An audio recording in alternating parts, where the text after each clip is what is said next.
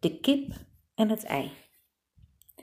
Toon Tereert had op verzoek van Wim Windels een kippenhok in elkaar getimmerd.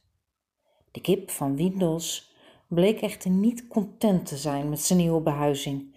Er was nog geen ei gelegd. Om hem een hak te zetten, besluit Toon een week later, na al enkele keren naar de stand van zaken te hebben geïnformeerd, er zelf een ei in te leggen. Voor het oog besmeurde hij het kippenproduct met een beetje bloed. Wim Windels was verheugd. Eindelijk een ei. Maar toen een week later de eierenproductie weer stokte, leek alles terug bij af. Hoe kan dat nou? vroeg Windels aan Treert. Zat er soms bloed aan het ei? was diens wedervraag.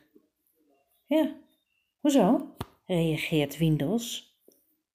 Toon Tereert liet zijn kippenkennis de vrije loop gaan. Als er bloed aan zat, dan deed het leggen pijn. En dan doet hij het nooit meer.